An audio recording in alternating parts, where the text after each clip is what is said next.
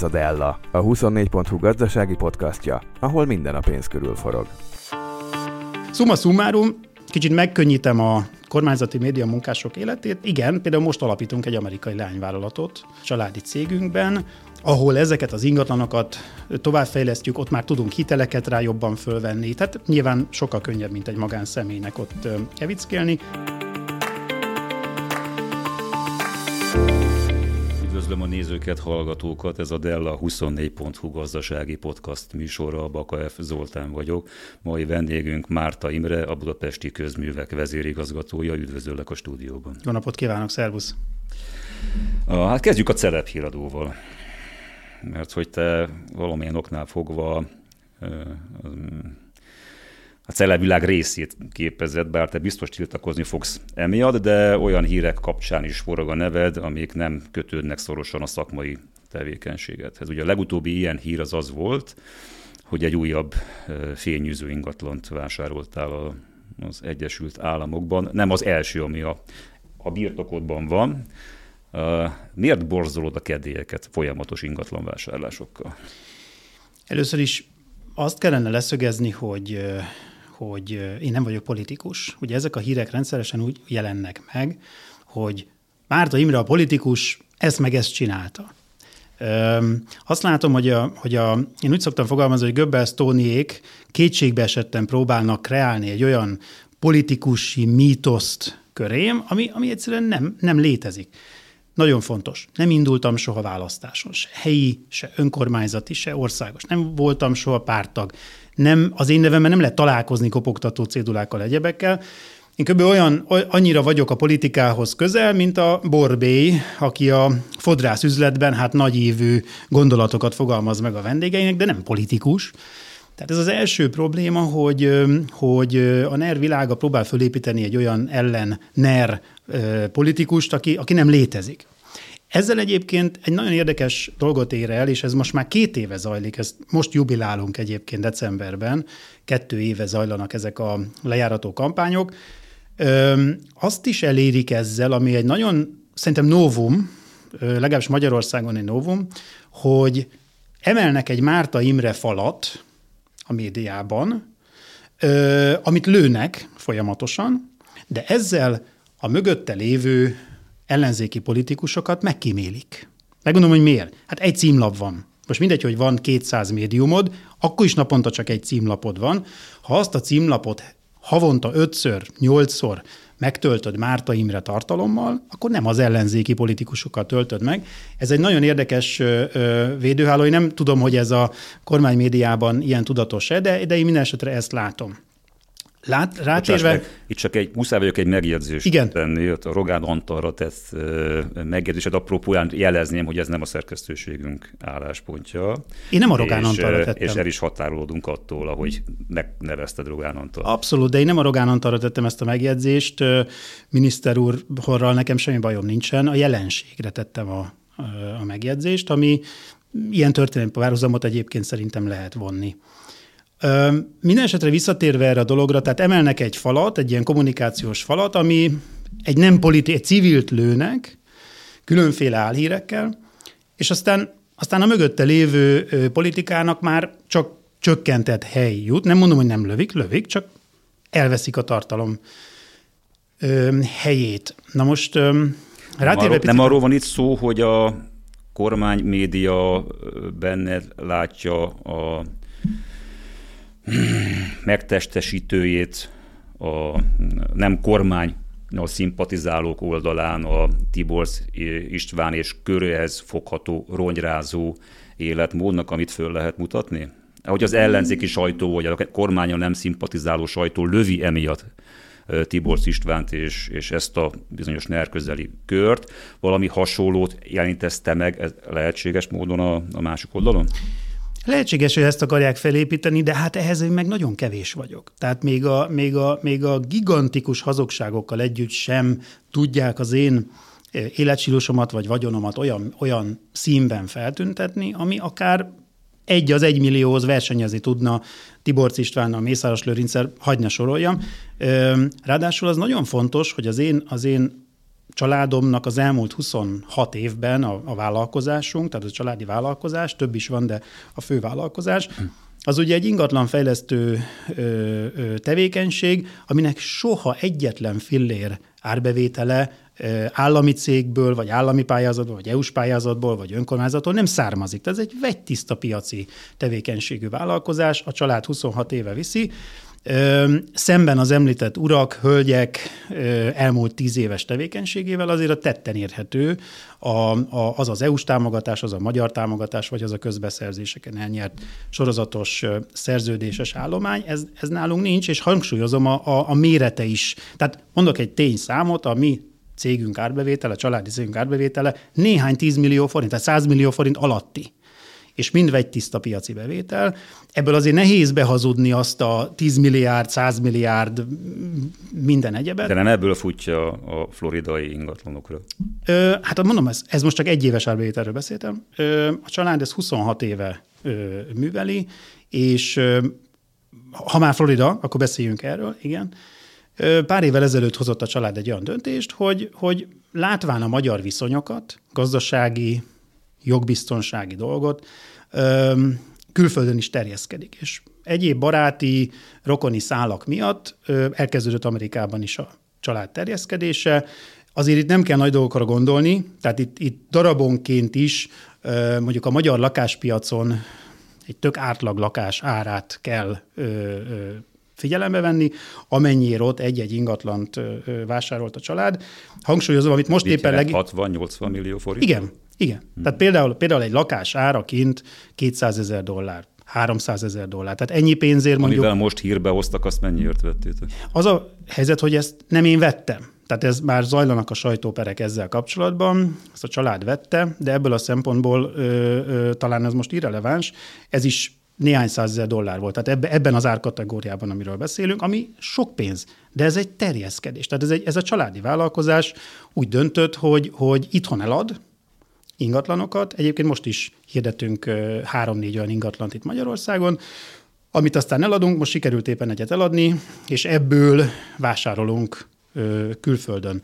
Azért ezt én azt gondolom, hogy sokan vannak ezzel így, hogy a mai magyar jogszabályi környezet, amikor péntek este jelennek meg rendeletek, törvényerő jelendeletek, amik aztán szombaton vagy hétfőn hatályba lépnek, ez nem túl befektető barát, Egyelőre még a mi tevékenységünket, mármint az ingatlanfejlesztés nem érintette, de ez azért jöhet és jön, közben 20% az infláció, a forint 30-50 forintokat ugrál az euróval meg a dollárral szembe, ezért mit csinál az egyszerű vállalkozó? Megpróbál diversifikálni, ha tud. És ezzel, ezzel szerintem sokan vannak így. Szóval visszatérve, egyébként megelőzöm a, a, a papagáj médiát ezzel. Most van folyamatban egy amerikai leányvállalatunk alapítása.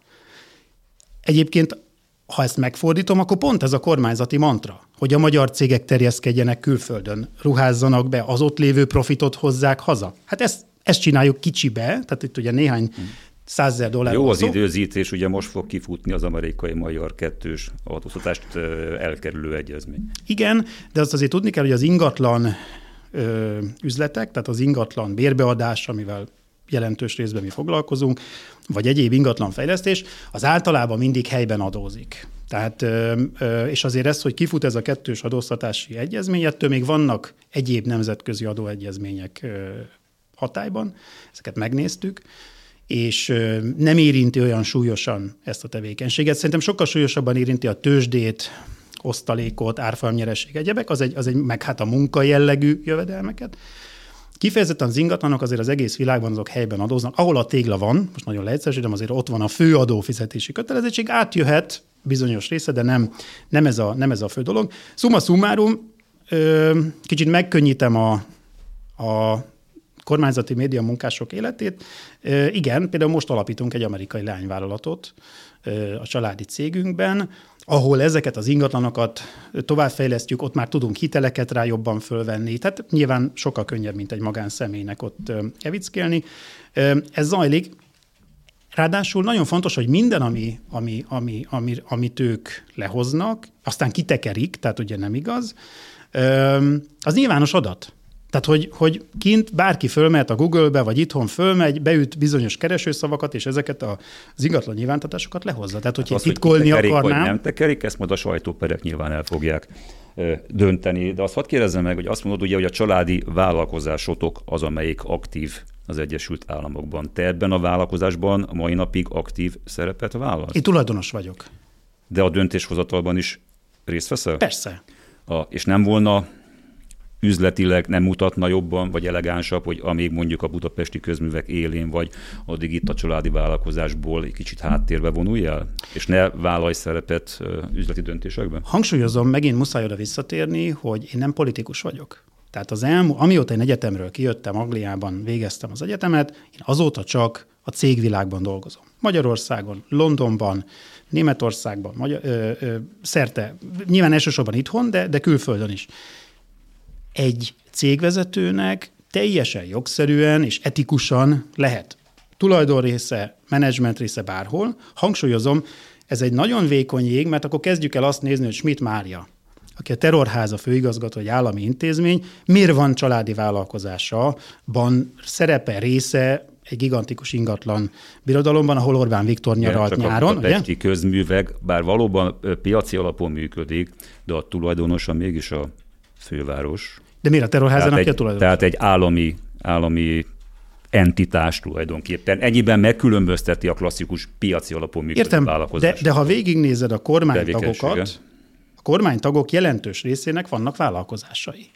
Most ez mindegy, hogy Lantos Csaba, vagy a hadügyminiszter, vagy egyéb. Hát Igen, de ezek, ezekkel... vagy háttérbe vonulnak, vagy eladják a, a részüket, amit aztán lehet, hogy utóbb visszavásárolnak, mikor kerül Nem gondolom. De erre azért ügyelnek, hogy párhuzamosan ezek a dolgok ne fussanak. Szerintem arra kell ügyelni, hogy az, hogy a neveden van egy vállalkozás, és az dolgozik, mondom, hangsúlyozom, ez egy családi vállalkozás, abban én, abba én nem látok problémát, arra kell ügyelni, hogy az a vállalkozás ne kerüljön kapcsolatba az állammal. És én erre ügyelek, évtizedek óta, hogy abban ne legyen EU-s támogatás, állami pénz, egyebek. Én szerintem ez a fontos, az, hogy egy, és ráadásul az, hogy lakóingatlant bérbead, fejleszt, átalakít, épít, lebont, bármi, annak mi köze van a, a budapesti közművek? Az égvilágon semmit. A budapesti közműveknek nincs ingatlan tranzakciója, azt azért szeretném jelezni, nem volt az elmúlt négy évben, nem is lesz. Tehát ugye a legutóbbi sajtóérek a, az ingatlan, a, a ingatlan üzlettel kapcsolatos, azok azt hiszem októberiek, tehát nem olyan régiek. Igen. Amik most ezekben az ügyekben is elindítottad már a sajtópereket? Hogyne, hogyne. Persze. A, azt azért szeretném jelezni, hogy amit tavaly indult lejárató kampány, a, abban nyolc helyreigazítási pert indítottam, és mind a nyolcat megértem jogerősen jogerősen. Ha már az egy más hozott, kérdés, hogy mikor tavaly decemberben el. erről beszéltünk egy interjúban, Igen. azt is mondtad, hogy gondolkozol azon, hogy anyagi jellegű kártérítés kapcsán is fogsz majd pereket Igen. indítani. Ott nevesítetted is a Kesmát, meg az MTV-t mint akiket be fogsz perelni. Ezt el, ez a per elindult, esetleg le is zárult, milyen eredménnyel? Elindult, zajlik a jogi eljárás, be van adva a kereset, keresetlevelek, egyebek, igen, tehát van egy, van egy, egy anyag. Mert ugye miután már megnyertem az összes sajtóigazítási pert, helyreigazítási pert, amit indítottam, a következő lépcső az, az nem tud más lenni, mint egy, mint egy sérelemdíj a magyar jogban, és ennek elindult az eljárása. Hát nyilván, ahogy majd a magyar bíróság halad előre. Ugye azzal is foglalkozott a sajtó, egészet tulajdonképpen, hogy a főváros prémiumokat fizetett a nyár folyamán a közműcégek vezetőjének. Itt te is kaptál több mint 6 millió forintot, hogyha jól emlékszem. Legalábbis, mint hogy ezt láttam volna leírva a sajtóban, vagy pontosított az összeget. Igen. Hogy egyébként ezzel a, ezzel a dologgal e, ehhez hogyan viszonyulsz? Mit gondolsz erről?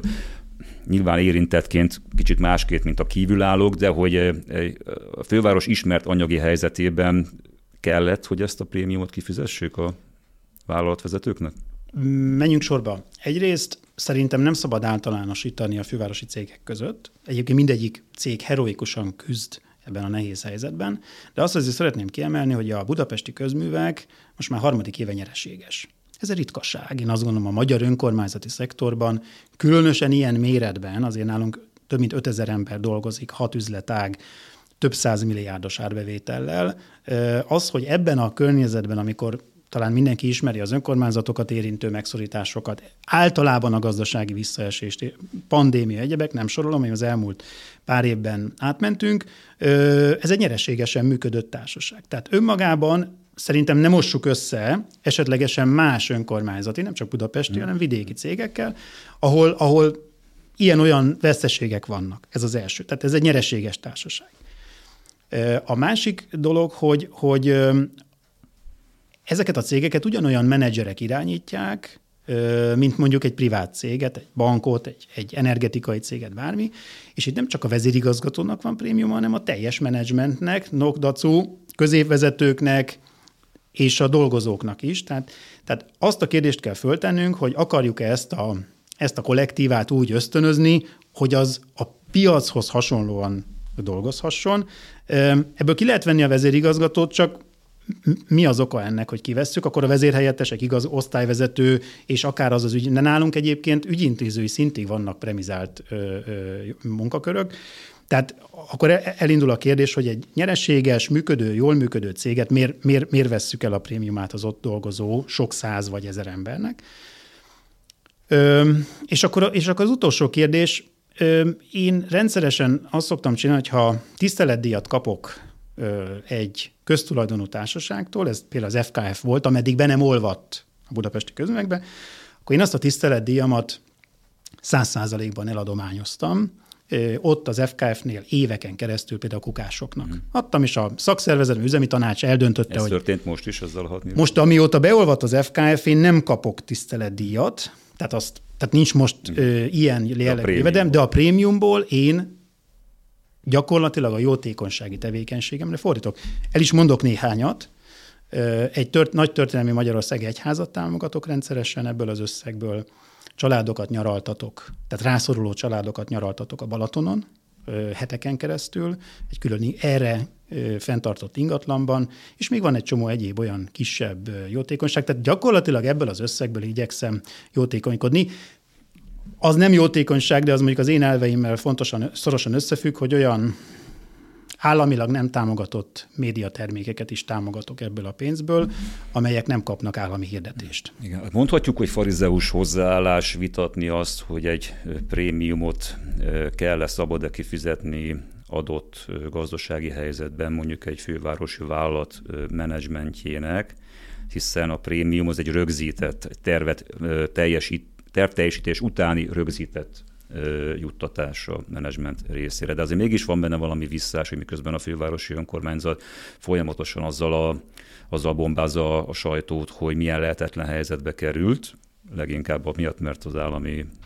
költségvetése, pontosabban az állami aktorokkal egy nehezen kibékíthető viszony alakult ki. De hogy ilyen helyzetben mégiscsak más a vetülete annak, hogy közben itt 6-7-8 milliós prémiumok gurulnak jobbra-balra.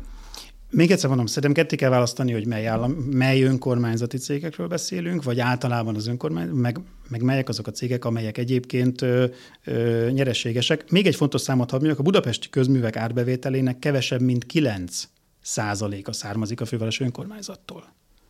Tehát ezt lehet, hogy nem sokan tudják, de hogy nálunk a távfűtés, hulladékgazdálkodás ö, és egyéb tevékenységek közül bejön egy 100 milliárdos, több száz milliárdos nagyságrendű árbevétel, meg egyéb helyekről kapunk bevételt a tevékenységünk után, és ennek mondom, kevesebb, mint a 9%-a önkormányzat. Tehát ne, nem, szerintem nem szabad összekötni a budapesti közműveket anyagilag ilyen mértékben a fővárosi önkormányzat helyzetével.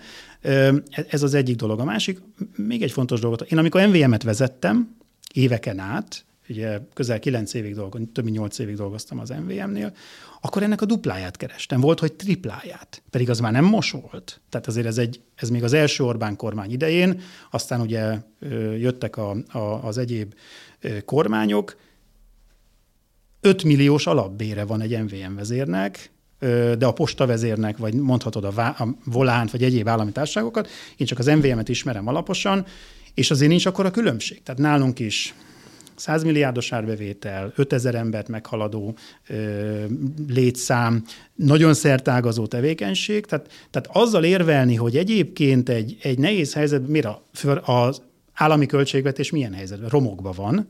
És akkor mondhatnánk, hogy az MVM vezér 5 millió is keres és prémiumot? Az is visszhangot szokott kelteni, hogy Értem. az MVM vezére kap mondjuk extra juttatást. Kapott. Ugye magában a fizetése miatt is. Ez is hír a sajtóban De kapott. természetesen. Tehát jelzem, Igen. hogy kapott prémiumot az hogy ott is azzal is Abszolút. foglalkoznak a, a Hát, médiumok. Én azt gondolom, hogy ez egy, ez egy ilyen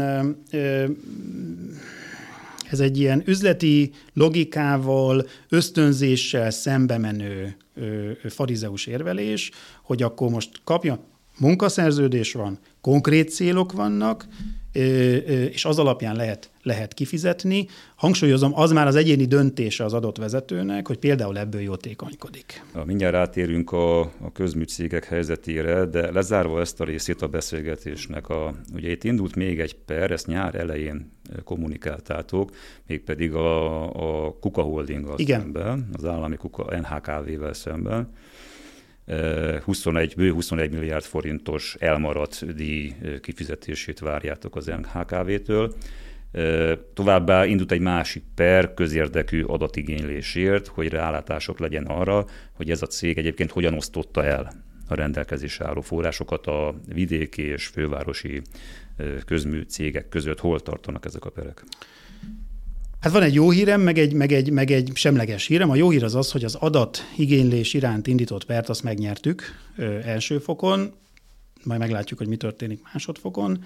Ö, egyébként nonsensnek tartom, hogy egy állami tulajdonú ö, társaság, mint a, mint a Kuka Holding, NHKV ZRT, az, az nem ad ki adatokat. Hát akkor mit csinál vele? Vagy, vagy, vagy miért titok az az adat, hogy melyik vidéki vagy fővárosi hulladékgazdálkodási cég mennyi pénzt kapott tőle? Hát nyilván azért nem akarta kiadni, mert amennyire mi ezt érzékeltük, ez egy ilyen urambátyám rendszer szerint osztott pénz volt. Ha szimpatikus voltál a Kuka Holdingnak, akkor többet kaptál, ha kevésbé, akkor kevesebbet leegyszerűsítve, persze meg kisarkítva, de, de minden esetre ezt a pert megnyertük. Ezek az adatok részben megvannak, részben, mármint a Coca Holdingtól, mert azért a per közben már elkezdett adni adatokat, tehát látta, hogy, látta, hogy, hogy, hogy rosszul áll, de még, de még mindent nem kaptunk meg, nem érkezett meg jogszerűen úgy, ahogy a bíróság előírta. Ebből azért majd látni fogjuk azt, hogy mi történik. A másik hír, a semleges hír az az, hogy a 21 milliárdos kártérítési per az zajlik. Tehát az zajlik, beadtuk a keresetet, ott ugye azt mondjuk, hogy az a pénz, amit a fővárosi emberek befizettek, ez lakosság és intézmények, az nem érkezett meg az FKF divízióhoz. És az elmúlt években ez a hiány, vagy ez a delta, ez, ez több mint 20 milliárd forint volt. Hát ezért maradnak fejlesztések, ezért nem tudunk megfelelő mértékben bért emelni. Ebből, ebből, ebből, ebből hát azért a, a, az FKF divízió méretéhez képest, azt tudni, hogy a, a, ennek a hulladékgazdálkodási divíziónak az árbevétele valahol a 30-40 milliárd forint között van. Na most, hogyha te ebből évente négyet, ötöt nem kapsz meg, hát az az, az, az élet és a halál közötti különbség. Ezért mentünk perre. Uh-huh. No hát hulladékgazdálkodás most uh, a legturbulensebb időszakot a hulladékgazdálkodás éli a nagy közmű szolgáltatók közül Magyarországon. Hát rengeteg hírt olvasni arról, hogy a júliusi átállás óta nem működik a rendszer, összeomlott a rendszer, nem úgy zajlik az átvétel, ahogy annak zajlania kellene, kevesebb ö, anyagot vesznek át a, a hulladékudvarok, azokból is egyébként kevesebb van, mint korábban volt. Szóval, hogy nagyon döcögősnek néz ki, a MOHU, tehát a MOL-nak az erre a célra alapított Igen. vállalata, ők azt kommunikálják, hogy tulajdonképpen minden rendben van, kódolva volt a, ez az első két hónapi döcögés a, a eleve magából a rendszerből fakadóan, akkor meg nem voltak letisztázva teljesen a jogszabályok, de ez majd ki fog egyenesedni a jövő évre. Ti ugye aktívan jelen vagytok ezen a piacon, legalábbis a főváros és az agglomeráció körzetében ti látjátok el ezt a munkát. Kérdésem egyik fele az, hogy tapasztaljátok-e ezeket a problémákat, amiket én most felsoroltam. A másik fele pedig az, hogy arról volt szó, hogy egy közös cég jön majd létre a Móhu és a főváros között. Meg is alakult a Móhu Budapest erre a célra. Be is, benne is vagytok az igazgatóságban, Atkári Jánossal, ugye? Így van. A Demszki korszaknak volt ő, azt hiszem, hogy a főpolgármester helyettese is, Igen. meg, meg tanácsadó is hogy mikor kerül sor arra, hogy teljes jogú tulajdonos társként legyetek benne ebben a cégben? Ugye aláírtunk a MOL-lal egy részvényesi megállapodást, amelyet a, a, a MOL nyilván igazgatósága jóváhagyott, a mi oldalunkról pedig a fővárosi közgyűlés. Azt szeretném azért jelezni, mert, mert lehet, hogy nem mindenki tudja, hogy ezt a szindikátusi szerződést és ezt a közös vállalatnak az egész létrehozását, ezt a fővárosi közgyűlés ellenszavazat nélkül szavazta meg. Tehát a fideszesek, akik ott ültek benne, és az összes párt, nyilván a koalíciós pártok is megszavazták. Ez ritkaság talán, azt gondolom, erről kevés szó esik a sajtóban, de ez egy olyan ügy volt, amit én előterjesztettem, amire csak igen szavazat érkezett az ott lévő frakcióvezetőktől és, és kerületi polgármesterektől. Ez a társaság bejegyzésre került, jelenleg még a 100% MOL tulajdonban áll, és várjuk azokat a hatósági jóváhagyásokat, amelyek ezekhez szükségesek. Az egyik ilyen fontos mérföldkő az az Európai Bizottság versenyjogi jóváhagyása volt, hogy két nagyon nagy cég próbál egyesülni ebben a társaságban. Ez a jóváhagyás megérkezett. Most a jogi részletekben nem megyek, hogy miért így, miért úgy, mert erről meg lehetne tölteni egy műsor, de az Európai Bizottság azt mondta, hogy rendben van. Úgyhogy most már a magyar hatóságoknál vagyunk, és hát egyébként százas nagyságrendbe kellenek engedélyek, hulladékodvarok, erőmű, lerakó, uh-huh. egyebek. Tehát az új cégnek meg kell szerezni mindazokat az engedélyeket, át kell rájuk cedálnunk azokat az engedélyeket, amelyekkel jelenleg is a budapesti közművek rendelkezik. Ez azért időigényes folyamat. Ami mit jelent, hogy mikor veheti át teljes egészében a Bohu Budapest ezt a feladatot? Hát mi is, mi is ezt szoktuk feltenni, ezt a kérdést a, a, a, a, a nyilván az illetékes hatóságnak, akik egyébként nagyon korrekten állnak hozzá, tehát nyilván megvan a jogszabályban rögzített eljárási rend, energiahivatal, kormányhivatalok, egyebek. Ez, ez zajlik, erre van egy Jövő nagy aparatus a molban. Én azért hamarabb, én azt gondolom, hogy hamarabb, ez hamarabb meg fog történni. Tehát finisbe van a, dolog. Január 1-től már elképzelhető, ugye? Kis szerencsével igen, de hogyha tört, csúszik, nem tudom, egy-két hónapot, akkor ebbe, ugye probléma nincs, mert a, mert a tevékenységet ma is végezzük a budapesti közművekben. Az, hogy ez a tevékenység és ez a, ez a, ez a, ez a munkaerőállomány, meg az eszközök pontosan mikor kerül bele a közös cégbe, ez csak egy technikai hmm. kérdés. Nem is fogják észrevenni, azt hangsúlyozom, sem a kollégáim, sem a lakosság, mert ugyanaz a kukásautó fog menni, ugyanabba a hulladékurvalba kell menni, csak éppen mondjuk hétfőn még a budapesti közművek üzemeltette, kedden meg a, a Mohu Budapest ZRT, amivel 50%-os részesedésünk lesz és ugyanazok az emberek, ugyanaz a, ugyanaz a, ugyanazok a vezetők fogják irányítani ezeket a telephelyeket, amelyekkel korábban, akikkel korábban találkoztak a, a tisztelt ügyfelek. Úgyhogy ez csak egy technikai kérdés, a MOL ebbe óriási energiákat öl, mi segítjük, technikai ügy, de én úgy látom, hogy halad. És az első a kérdés első fele, hogy ti szembesültök ezekkel a problémákkal? Az, a kérdés első felé én azt gondolom, hogy menjünk sorba. Az a rendszer, amit a, a Kuka Holding NHKV épített föl 2016 óta, az gyakorlatilag az összeomlás szélén állt. Tudni kell, hogy a magyar költségvetés az utolsó években évi 70 milliárd forinttal szubvencionálta, ennyi készpénzt tolt bele a Kuka Holdingba, az adófizetők pénzéből, és még voltak egyéb csatornák, amik, amik nem jelentek meg a, a Kuka Holding számaiba, tehát ez 100 milliárdos nagyságrendben kellett konszolidálni ezt a rendszert. Ez nyilván nem volt fenntartható, sem a költségvetésben, sem, a, sem az egyebekben. Tehát valamit lépni kellett. Én azt gondolom, hogy a lépés az nem volt rossz. Egy tőkerős társaság kapta meg ezt a, ezt a feladatot, ráadásul a molnak a múltjában nagyon sok hulladékgazdálkodási szakértelem van, és azért a július 1 átállást azt igenis jól megugrotta, én azt gondolom a rendszer. Én csak a fővárosról és a környékéről tudok beszámolni, mindenhol elvittük a hulladékot, minden rendben üzemelt, erőmű, lerakó, hulladékudvarok, tehát azért azt én hozzám olyan panasz nem jutott el, hogy mondjuk július 1-től valaki nem a megszokott módon volt kiszolgálva Budapesten, ezt nem lehet mondani. Öm, Azért beszélsz ilyen megértően az új rendszerről, mert a szolgáltatás oldalán ti is részesei vagytok ennek? Nem, mi nagyon, nagyon precízen nézzük hónapról hónapra a panaszok számát. Hát ugye van több ügyfélszolgálati csatornánk, személyes, telefonos, leveles. Semmilyen kiugró panasz áradatot mi lakossági oldalról nem kaptunk, és céges oldalról se kaptunk.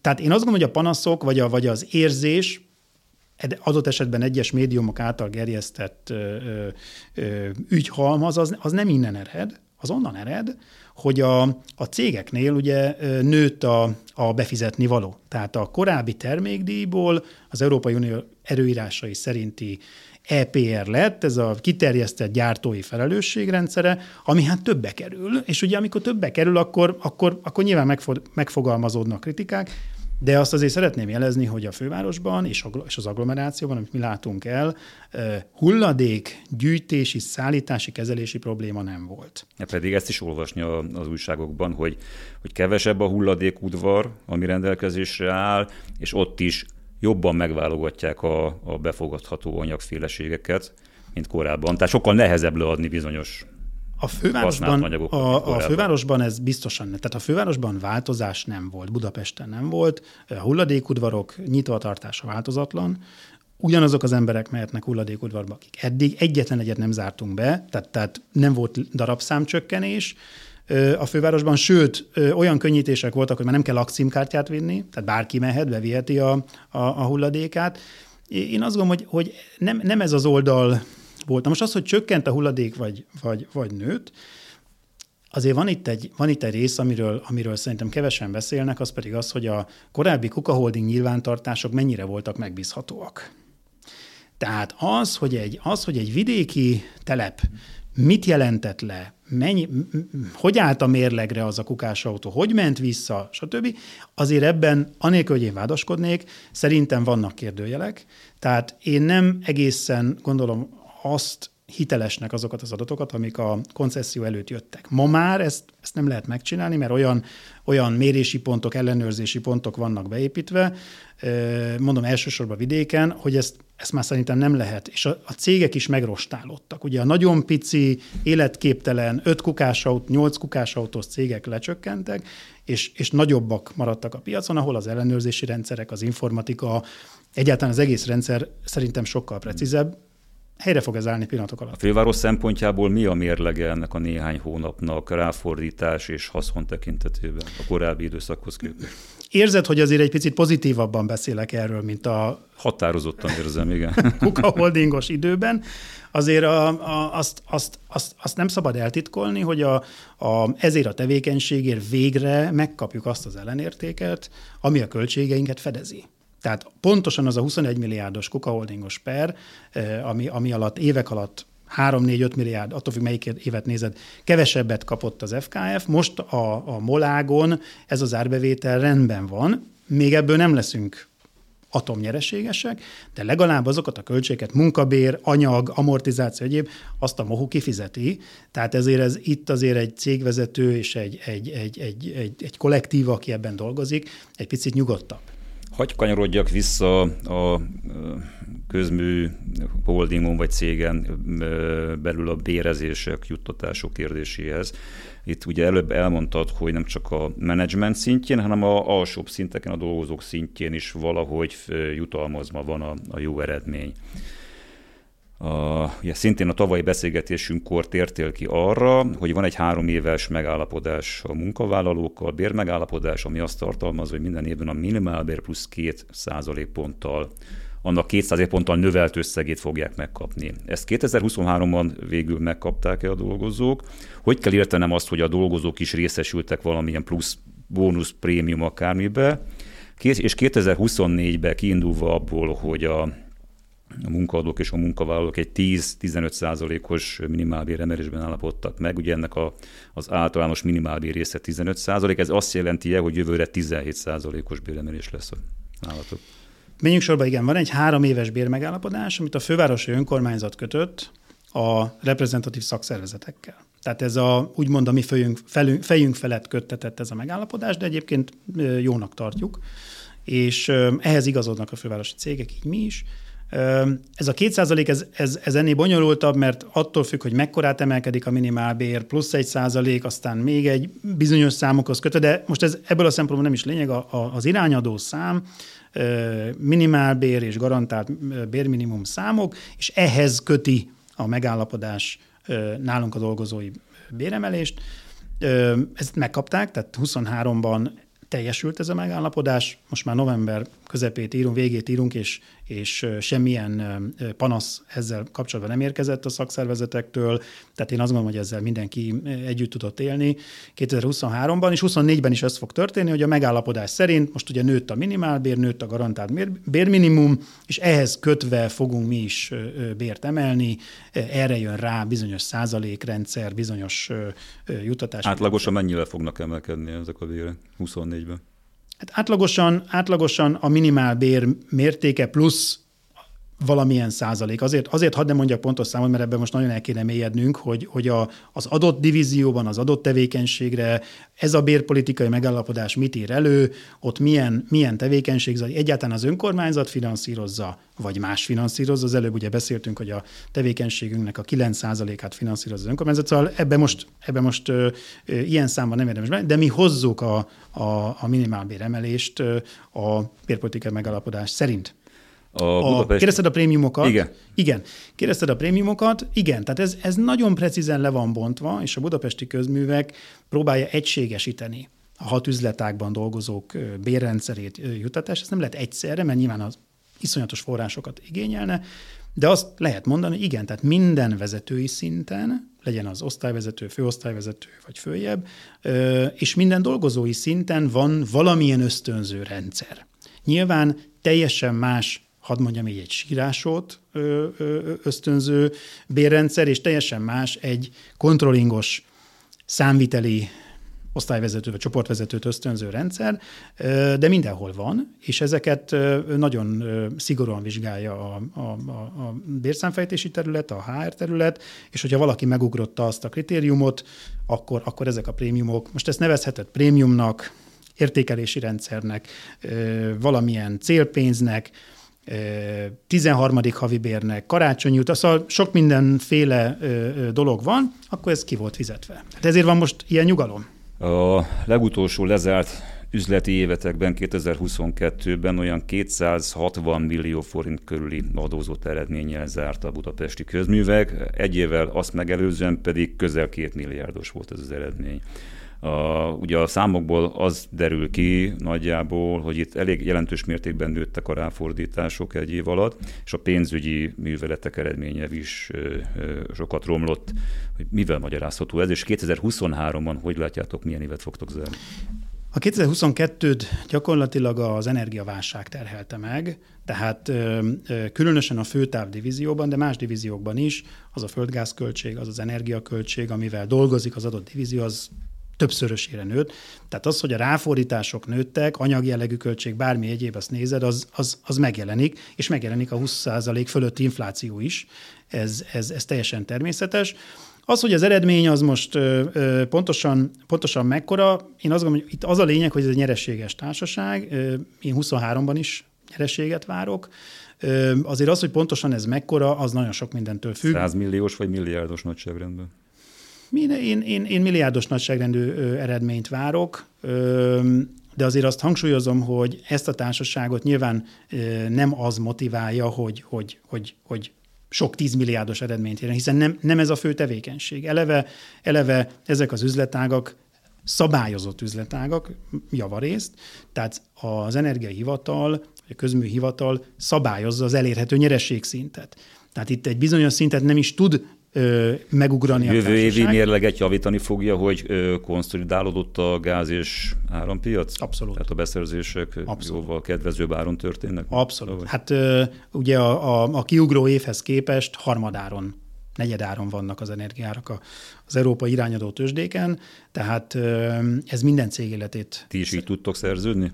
Igen, mi, mi, mi az úgynevezett Budapest modell szerint megyünk, amit egyébként a Budapesti Közművek csapata javasolt fővárosi önkormányzatnak még a válság elején, hogy ne kössük le a teljes évet, ö, hanem, hanem, hanem várjuk meg azt, hogy mi történik, és azért akkor ez egy, ez egy hihetetlen jó stratégia volt, hiszen nem a csúcson szerződtünk le, mint talán mindenki emlékszik a, a távhőszolgáltatókra rót gázdíjak, vagy az MVM által kötött gázszerződés, hanem, hanem egy havi bontásban szerződtünk mindig előre, és aztán ebből voltak persze magas hónapok, de azért voltak benne nagyon, nagyon ennél jóval alacsonyabb hónapok is. Én egyszer azt mondtam, és ezt mai napig tartom, hogy a, a magyar rezsicsökkentést azt a Szijjártóféle gázszerződés vágta agyon.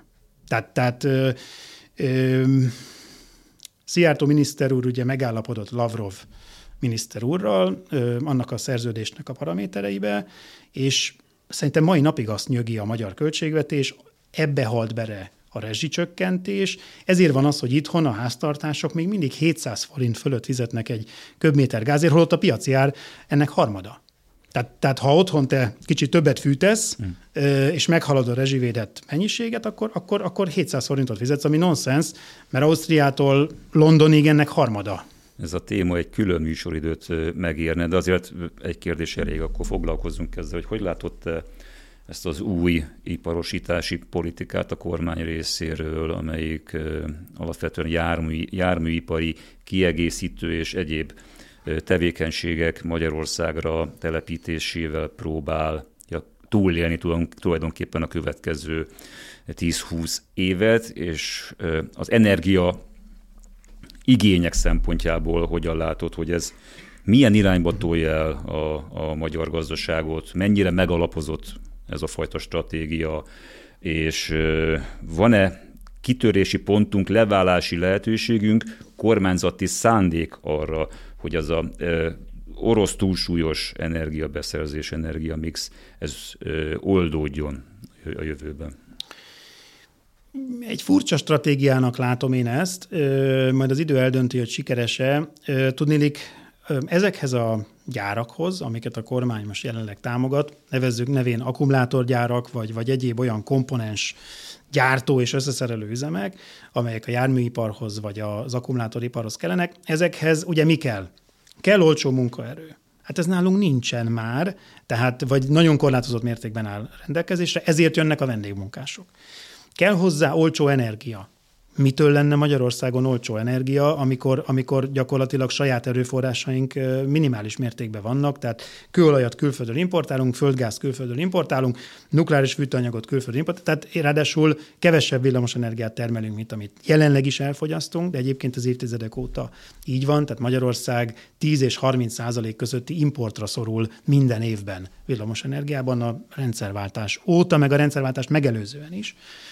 Tehát, hogyha ezek az alap dolgaid nincsenek, akkor, akkor az, a, az a komparatív előny, én nem látom, tehát ezt átmenetileg fent lehet tartani adókedvezményekkel, vendégmunkásokkal, szubvencionált rendeletekkel, de, de ebből nem, nem hiszem, hogy versenyképesebbek leszünk, mint hogyha ez a gyár, nem tudom, valahol az Európai Unió más területén, vagy Nogdacu az Európai Unió területén kívül van. Persze mi ben vagyunk ebben a vámövezetben, tehát ez egy motiváló ö, elem a, a kínaiaknak, vagy a dél-koreaiaknak. Ö, látom a kínlódást, ö, nagyon egyszerű. Hát ha nem jön az EU-s pénz, ugye ami ebben a költségvetési ciklusban azért 27-30 milliárd euróról beszélünk, akkor azt valamivel pótolni kell. Most erre mondjuk azt, hogy ez a ez az FDI, ez a, ez a külföldi tőkebefektetés, ez majd pótolja. Ez csak egy baj van, ha megkérdezel egy öt éves gyereket, hogy mit szeretne. A. Kap 100 forintot, és arra fizetni kell egy kamatot, ez a hitel. B. Kap 100 forintot, és arra fizetni kell egy tőke megtérülést, és majd a végén vissza kell adni a tőkét, és van egy osztalék. C. Kap 100 forintot ajándékba. Azért ez nem egy nehéz kérdés, azt gondolom. Tehát mi most a C-t azt elvetettük, tehát van az A meg a B, hát ezért vannak a... A C lenne az uniós, az uniós támogatás. forrás, igen, forrás. amit nem kell visszatéríteni, nincs rá kamat, nincs rá tőke megtérülési fizetési kötelezettség. Tehát itt az A és a B van, ezért van az, hogy a magyar kormány több milliárd euró és dollár értékbe bocsát ki kötvényeket folyamatosan. Ezért van az, hogy ezeket a gyárakat ide ráncigáljuk, és, és próbáljuk őket tőkebefektetésre ösztönözni, mert ezek átmenetileg a befektetés pillanatában valójában pluszos. Tehát ő idehoz valamilyen mennyiségű tőkét, aztán ezt, amikor fölépül a gyár másfél-két év múlva, ezt ő elkezdi kiszedni profitágon, meg, meg egy, és ugye nem fizet adót, úgy, mint mondjuk egy másik magyar vállalkozás, azért én azt gondolom, hogy középtávon meg lesz a, meg lesz a bőtje. És van potenciál például a kaukázusi gázbeszerzésben? Én ugye Londonban energiakereskedő voltam, és ott egy dolgot megtanítottak nekem az amerikai főnökeim, hogy diversifikáció és rugalmasság.